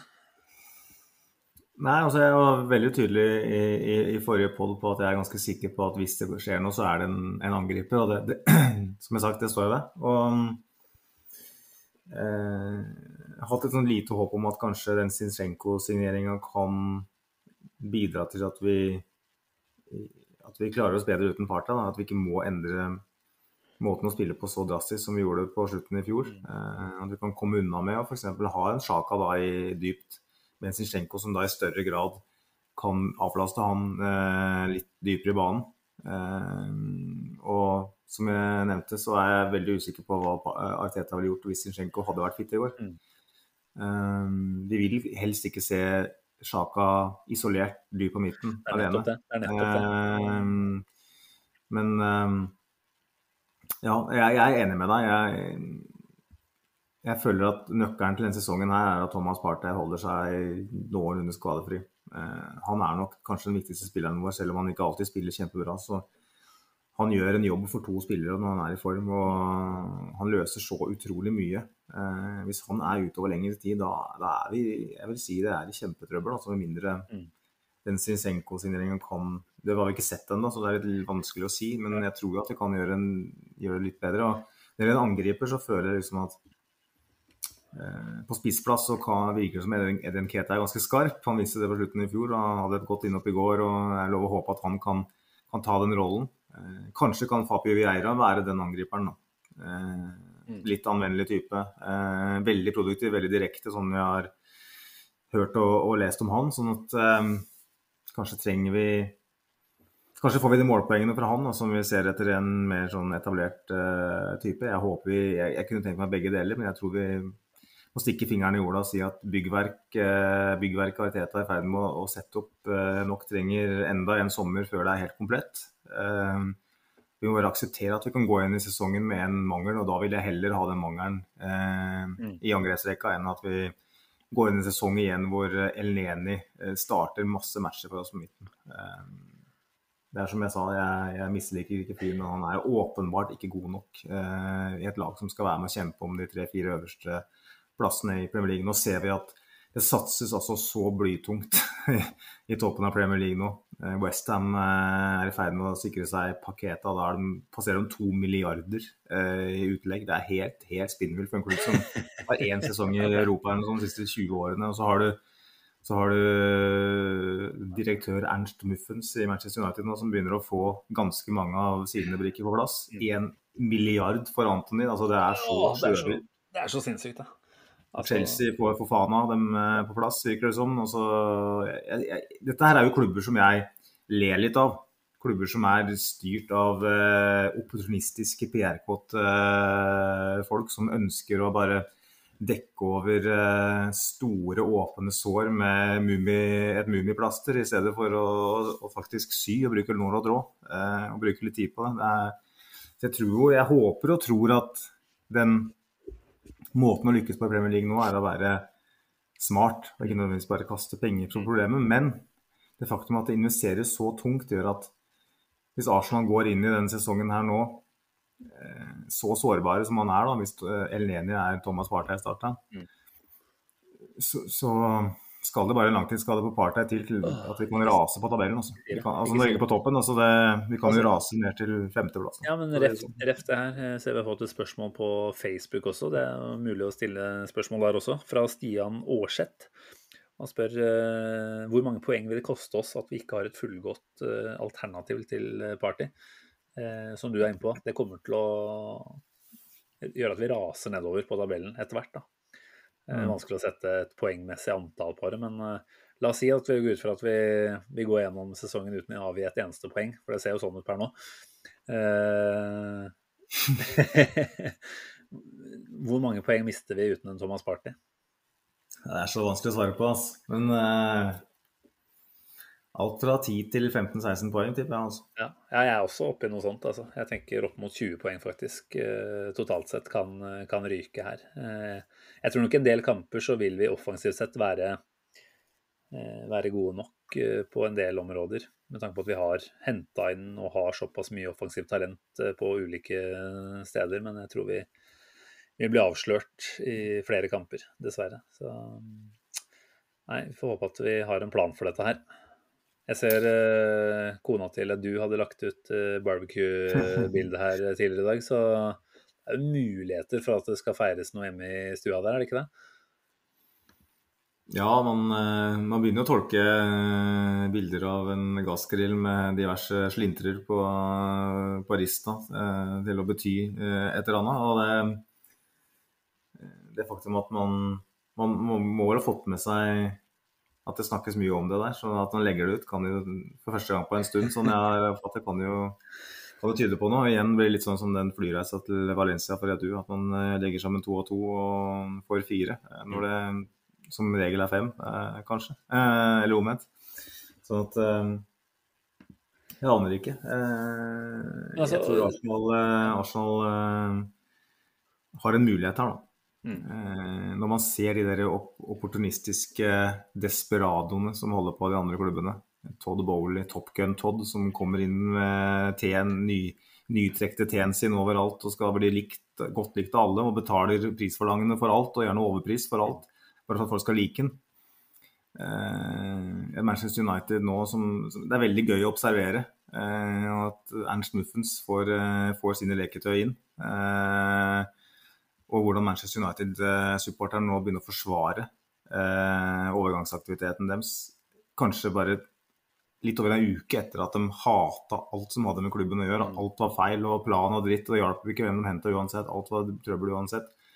Eh, Westham, som jeg nevnte. Eh, altså, er, vi har en mulighet her. Hvis vi på en måte får på plass den siste brikken her, så tror jeg Arsenal har så mye kvalitet nå, og vi er så mye smartere enn de klubba her. Det er Mensa versus uh, livets uh, harde skole der, altså. Uh, på overgangsmarkedet. Ikke snakke med livets harde skole nå. Jeg beklager det, da, men Nei, jeg, jeg, er ikke medlem der selv, altså. Men nei, jeg tror du er veldig innpå noe her. Og hvor mange ganger er det ikke vi har sett at Arsenal er én eller kanskje to spillere unna å ha det komplette laget? Altså, noen av de siste åra under Wenger så tenkte du at bare vi gjør det ble jo flere og flere mangler som åpenbarte seg etter hvert, åpenbart. Da. Men uh, flere ganger du tenker at hadde vi gjort den eller den, eller de to, da, så hadde vi vært komplette. Og jeg føler at vi er så nærme der nå, så det vil være litt vondt hvis vi ikke faktisk uh, drar båten helt ut og, og faktisk gjør et uh, helhjerta forsøk. Altså, det er gjort veldig mye bra til nå. Men vi ser mm. jo at uh, det er sårbarheter der fortsatt. Så hvis vi skal kunne stå gjennom en 38 kampers sesong, så, så, trenger vi noe mer. Det er det ikke noe å tvile på engang. Så jeg, jeg, tror Arsenal som uh, lag nå er Jeg tror vi er topp tre, uten tvil, i forhold til uh, spillideer. Altså i forhold til å være allsidig i angrepsspill, i forhold til å ha flere dimensjoner i, i måten vi spiller fotball på. Da. Men vi må faktisk uh, sørge for at vi har nok gode spillere til å sette det ut i livet også. Mm. Så nei, vær så snill, få Edu på jobb de siste dagene her nå. Vi får anta at han har uh, noen ess opp i ermet. Ja, det er som sagt torsdag hvor, hvor vinduet stenger. og Navn har vi vel snakka litt om, uh, i hvert fall, eller kantspillere. og på, og på midten så så syns jeg er litt tyngre å, mm. komme med, med, alternativer. Og ja, eh, for, for, å avslutte segmentet, så for å gjøre male med litt den, eh, den svarte malingsposten som jeg ofte bruker eh, når jeg kan, eh, så må jeg si det at eh, hvis man ikke har en god plan nå, med tre-fire dager igjen av vinduet, så må man betale overpris for fordi man eventuelt ønsker, sannsynligvis. Eh, så Derfor så tror jeg heller ikke at det kommer inn en midtbanespiller. Men jeg håper at det har blitt bearbeida når det gjelder en kantspiller. Jeg tror uh, Mendes uh, fort kan trekke i tråder når det gjelder Pedro Neto. Um, vil ikke bli overraska om, om, det er en overgang som, som skjer. Uh, du vet jo at, at, det er litt sånn mafiavirksomhet, de der agentene. At man må returnere noen tjenester når man, når, man, får servert på den måten. Wolverhampton har fått mange veldig gode spillere fra med portugisisk pass eh, de siste sju-åtte årene. For vi skal i alle fall rundt der. Um, og... Ja, De har jo fått to fantastiske nå i sommer også. altså Gonzalo Guedes og Mateus Nunes, eller hva han heter. Ser jo solide ut begge to, de. Så det er klart da Da må det noe ut andre veien også. Vi må satse på at det blir Pedro Neto. Mm. Mm. Yes. yes. Eh, bevege oss videre til siste punkt for eh, praten, og det er vel å se litt framover, eller? Ja, det er jo nesten litt tungt å se framover nå, for da, det kan jo ikke bli noe bedre. Det er Nei. bare én vei, og det er nedover, så Ja, men altså fem seire er bedre enn fire seire. Jeg tror det kan, bli, tror det kan bli en til. Det kan bli flere også. Men eh, nå har vi jo Aston Villa i vente på onsdag, er det vel? Eh, et Villa som da spilte nå i dag, søndag. Eh, dermed vil ha én hviledag mindre. Et Villa som røyk på sitt tredje tap av fire mulige denne sesongen, her, som ikke ser bra ut i det hele tatt. Eh, det er lov å være optimistisk før en hjemmekamp der, eller? Ja, apropos desperado, så føler jeg at Aston Villa er en av de klubbene som er litt desperate etter å ta snarveier opp mot toppen. Og hente en del spillere Eh, litt på et litt opportunistisk vis. Coutinho, Luca Ding eh, osv. Eh, spillere som er et alderssegment som gjør at de kanskje ikke har så veldig mange gode år foran seg. Eh, planen er kanskje litt så som så. Eh, Douglas Louise, nei ikke Douglas Louise, men han, eh, Diego Carlos, han stopperen, er vel også en av de i litt øvre alderssjiktet, som jo da ble alvorlig skadd her nå etter bare to serierunder eller noe sånt. Nettopp. Nå så Callum Chambers og han Esther Konsa starta som stopperpar i dag mot West i går, når dere hører på, mot Westham. Sånn at um, um, Og det Callum Chambers var en litt merkelig signering, egentlig, uh, må jeg si. Uh, uten å si noe vondt om han. Sånn at um, jeg var litt skeptisk til det der eh, Steven Gerrard-hypen. Det der med å lykkes i skotsk fotball kontra Premier League er to litt forskjellige ting. Og, og veldig sterkt ønske fra Liverpool selvfølgelig og Beatles-byen om at, eh, at, han skal være Klopp-erstatteren osv. Så, videre. så han blir hausa litt vel mye opp, og mm. alt han sier blir omgjort til gospel i, i medienes uh, øyemed. Litt sånn som med Frank Lampard. Uh, og han begynner å bli litt avslørt nå, syns jeg. Steven Gerrard. Han mm. har har Ikke noe særlig til spill, det er ikke noe særlig struktur i det han foregår. Han Virker han vingler veldig og endrer formasjoner. og Det virker ikke som han har kontroll i det hele tatt. og Det er et gunstig tidspunkt å, å møte Aston Villa på, med en del skader og, og litt sånn. Um, sånn at eh, ja, jeg, jeg, tror den blir enklere enn Fulham, rett og slett. De er dårligere organisert, og jeg tror de kommer til å gi oss flere muligheter. Når det er sagt, så har de ganske mange gode offensive spillere. Så si at partiet er ute nå. Um, hvis, hvis Coutinho får lov til å operere litt i mellomrommet der, eh, får litt kontroll på ting, så, så er de farlige, åpenbart. Ja. Danny Ings er livsfarlig hvis, eh, hvis, du ikke passer på ham. Watkins har vel tidvis vært god mot oss også. Yes, nettopp. Så jeg frykter jo, frykter jo lite grann, eh, selvfølgelig. Men jeg tror da at hvis vi spiller opp mot vårt beste, så skal det være en ganske god, eh, OK og grei dag på jobben for oss. Ja. Men to ord om potensiell lagoppstilling. altså Det er jo å spå, selvfølgelig. Men jeg var vel litt inne på det tidligere. Jeg syns jo Nketia nå har kommet inn, særlig i den kampen her, da, og egentlig nesten gjort seg fortjent til en, uh, til en start. og det er vel nettopp derfor vi må ha en solid tropp. Det er for å kunne stå i disse midtukesituasjonene. Uh, selvfølgelig det er ikke slitasje på laget ennå, tror jeg. Men med tanke på at man skal til Old Trafford noen dager senere, så er det vel ikke helt urimelig å tenke at man bør uh, ta et par endringer fra start. da. Mm. Så er jo spørsmålet skal han inn for Jesus, eller skal han kanskje inn for en Martinelli, som også har spilt mye og ikke nødvendigvis gjorde alt like bra som du sa tidligere her en, eh, en Kete inn på, på, venstre, som jo da igjen vil kunne være veldig dynamisk med Jesus som vandrer også. Er det en løsning du kunne sett for deg, eller? Ja, jeg, det er ikke helt utenkelig det. Jeg tenker at, at Jesus starter, det ser jeg nesten på som uh, sikkert. Det tror jeg også. Sånn at hvis han skal inn, så er det en sånn posisjon. Um, Smith-Roe uh, kom vel ikke inn i det hele tatt i går? Nei, det gjorde han faktisk ikke. Det kom vel et spørsmål rundt akkurat dette her også. Uh, beklager, jeg har ikke gjort, det, gjort forberedelsen igjen, men jo Fleskspurven som på Twitter spør om Martinelli har vært litt under norm nå et par kamper. Kan Smith-Roe få sin tur mot Villa. Eh, jeg tenker ikke at han er helt klar, kanskje, men eh, har du troa på at han kan komme, komme, inn allerede nå? Nei. Jeg syns jo Martinelli hadde en veldig rar kamp, som jeg var inne på. Han, eh, bare, bare, for å ta noen tall om kampen, så hadde han sju skudd. ja. Som var klart flest. Var egentlig aldri veldig i nærheten av å skåre. Definitivt aldri bra skutt på, i hvert fall. Ja, nettopp seks nøkkelpasninger, som var klart flest. Det er interessant. For han, han bidrar jo en del i oppbyggende. Eh, så har han flest taklinger òg. Mye rare tall der, men eh, alt det han gjorde i sånne avgjørende faser, var litt den Martinelli vi ikke ønsker å se. Som mangler litt brodd, som mangler litt kjøle. Eh, så det kan godt hende at at det er fristende å ta han ut i en kamp, men jeg tror ikke det skjer. Jeg, ehm, jeg tror nå skal vi inn i en europaligafase snart. Mm. Eh, da blir det naturlig å rotere. Jeg tror de kommer til å kjøre på med de beste elleve i, i, hele den perioden her. Skaffe seg den bufferen. Jeg tror eh, Hvis Zinchenko og Party er tilbake, så starter de. Mm. Um, hvis ikke dem er med, så tipper jeg at det er samme elver som, som i går. Um, det er jo Arteta i kjent stil, det. Altså Vinner vi, så fortsetter vi på samme spor.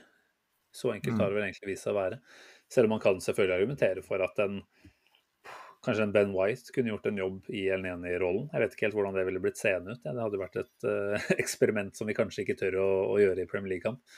Men uh, en Tommy Asu inn på høyre bekk og, og, en Ben White opp der kunne vært en, en litt spennende løsning også, muligens. Men uh, ja. I don't know. jeg tror ikke det skjer? Nei, jeg tror ikke det skjer. Jeg tror ikke det heller. Eh, vi skal videre til Old Trafford etterpå. Eh, de har vel da også en Altså, vi spiller på onsdag, de spiller på torsdag borte mot Leicester. Eh, de er jo definitivt i en situasjon som gjør at de må skuffe ut de beste elleve i hver eneste kamp. Vi kan jo håpe at en ekstra hviledag for vår del kan gi noen små ekstra prosenter i, i totalen, da. Men mm. Old Trafford borte, det er jo stort sett et mareritt. Eh, har du troa på at det blir en eh, positiv opplevelse denne gangen? Nå så ikke jeg den kampen mot, eh, de hadde mot Southampton på lørdag, men jeg så jo den mot Liverpool, og da var det jo en voldsom energi. Mm. Det er jo Liverpool, og de hadde jo alt å revansjere. Min spådom med United er at det, når vinden går ut seil, litt ut av seila der, så, så, sitter man igjen med mange av de samme problemene. Men Arsenal kanskje, er sannsynligvis serieleder, kom på, på besøk. Seks poeng, eh, kanskje mer enn seks poeng foran nå. Eh, flomlys søndag.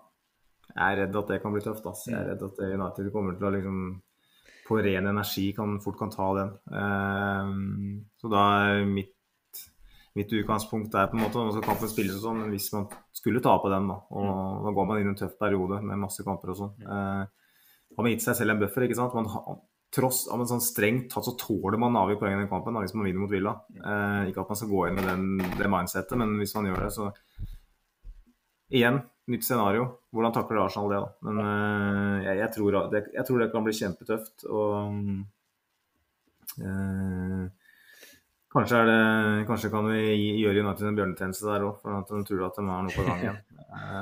Eh, jeg, er så skeptisk til alt som foregår i den fotballklubben at uh, en liten uh, nesestyver der, det skal vi tåle så lenge vi kommer så på hesten igjen uh, kampen etter. Det er ikke uventa å høre at du er litt innstilt på at det kan gå skeis. Så får man heller ta den eventuelle oppturen skikkelig godt da, hvis det skulle dukke opp. Men Old Trafford har jo vært et vondt bekjentskap over lang tid, stort sett. Så det, det er vanskelig å, å gå altfor selvsikker inn i den kampen her. Men det er klart, med, med forhåpentligvis fem seire på rappen, da, så, så, er det jo ikke sånn at vi skal gå inn der og føle på noe som helst press. I hvert fall. Det er jo en mulighet mer enn noe annet. Så mm. Veldig, veldig spent. Og, og nå har vi sett Everton hjemme, er det ikke det etter det? Eller er det, stemmer det? Stemmer. Så, Hvis det ikke er noe Europaliga imellom der, da. det kan godt være, altså, men Premier League, Ja, så Premier League, tenker jeg sånn, igjen, det bør være tre poeng. da. Ja. Så mener jeg det er en bortekamp mot Brentford da, før det er eh, Tottenham. Tror du har gjort eh, hjemmeleksa di på terminlista. Jeg håper det, jeg tror det stemmer. Iallfall så, så er det kamper hele veien her. Jeg føler liksom Før det Nord-London Derby i eh, 1. oktober, da, som enkelte skal på, eh, så er det så er det kamper hvor vi absolutt kan vinne. Eh, Og Tottenham de eh, fortsetter å gjøre jobben uten å overbevise, men eh, det er jo ikke alltid noe, Det er jo ofte et godt tegn for et lag, det. At man vinner Men la oss ikke prate om de nå igjen, da. Nei, nei, men det kan jo være jævlig mye potten i den Ja da, det det, å, det. å, å, å bygge ytterligere momentum fram mot det, og kanskje ha litt av luke på dem da, eh, og potensielt kunne skape en litt større luke Mm. enn en sånn seier. Det, man, man, man, eh, man ser på en måte en sånne eh, bokmerker eh, fremover her i, i, på primstaven. Det er eh, United-kampen, det er Tottenham-kampen, ikke Mm. sant. Og så har man etter hvert Liverpool. og eh, ja, det er, det er jævla spennende tid. Eh, vi, vi kommer til å bli veldig godt kjent med, med det laget her nå i løpet av de neste ukene. Nå viste vi jo et visst nytt ansikt, i hvert fall nå mot Fulham. Altså, det er noe vi ikke har sett så mange ganger eh, under Arteta. Så må vi bare håpe at eh, det er eh, nye sider å bli kjent med, med den gjengen her fortsatt, som eh, vi lar oss begeistre av. Jeg har, eh, jeg har jo en god magefølelse, jeg må jo si det. Du er sikkert ikke overraska over det. Nei, det er jeg ikke. Så, men eh, nå har du litt grunn til det òg. det har du ikke alltid hatt før. Så skal du få lov. Og, Veldig forutseende, vet du, så jo da. Det har vært en grunn hele veien. men vi må, vi må gi oss, Simen. Men Må det. vi har, jeg må bare kjapt nevne det, for vi gjør det hver episode. Men William Saliba har vi nesten ikke snakka om. Og jeg har lyst til å nevne det at uh, topp seks uh, i Premier League uh, på pasningsprosent så langt, det er fem Manchester City-spillere og William Saliba. Wow. og fyren er bare er et unikum. Eh, han er årets Arsenal-spiller så langt, og rett og slett Mm. nesten feilfri. Han hadde én situasjon i går hvor han drar ei finte opp midten der. Eh, en litt sånn trengt situasjon. Eh, han spiller ballen bak hælen og så bare spiller seg forbi ledd, og det er bare helt Jeg har glemt, jeg har glemt det for lengst. Helt. Han er altså så god. Han er så god at eh, Jeg har bare lyst til å avslutte med det, for at jeg, jeg er forelska. Ah, Rett og slett, altså. Nei, det er det man kjenner på. Altså, ikke bare med han, altså hele den gjengen her er man jo etter hvert blitt veldig glad i nå, men sånn som han eh, både presterer på banen og feirer etter uh, vinnermål, da, da er det vanskelig å ikke elske den. Mm. Vi får bare kose oss videre. Og så er det jo verdt å nevne at vi da skal på lufta med episode nummer 100 etter eh, United borte. Vi kommer ikke med noe, noe post villa-pod, det gjør vi ikke. Men eh, jeg føler at det er eh, litt sånn skummel, et skummelt sted å være, det òg. Altså, vi må jo håpe at vi kan markere jubileet med noe positivt, men eh, litt, eh, litt sånn uh, småkinkig er det å skulle ha den etter eh, Old Trafford. Det kan òg være det motsatte. Det kan ja. være Nå skal jeg være den med de positive brillene her og si at kanskje har vi henta en, eh, en skikkelig klassespiller eh, før overgangsvinduet stenger, og, og kroner det hele med borteseier mot Manchester United. Da er det i hvert fall ikke 100 out for Arsenal Station. Da er det bare å bygge videre mot 200. Yes, det lover vi å prøve på. Uansett, egentlig. Nei, men da syns jeg vi skal runde av der, Magnus. Du har eh, sagt nok fornuftig nå, så skal du få hvile en uke, jobbe litt og se litt fotball forhåpentligvis i midtuka. Så er vi sterkt tilbake igjen eh, om en ukes tid, er vi ikke det? Det må vi satse på. Bra. Da sier vi det sånn. Og så ønsker vi absolutt alle andre en eh, fortreffelig uke i mellomtiden. Og så høres vi igjen om ikke altfor lenge. Ha det bra. Ha det, ha det. Hei.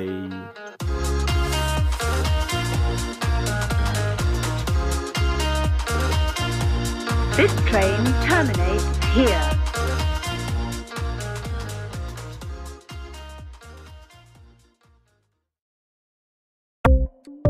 Ukens annonsør er HelloFresh.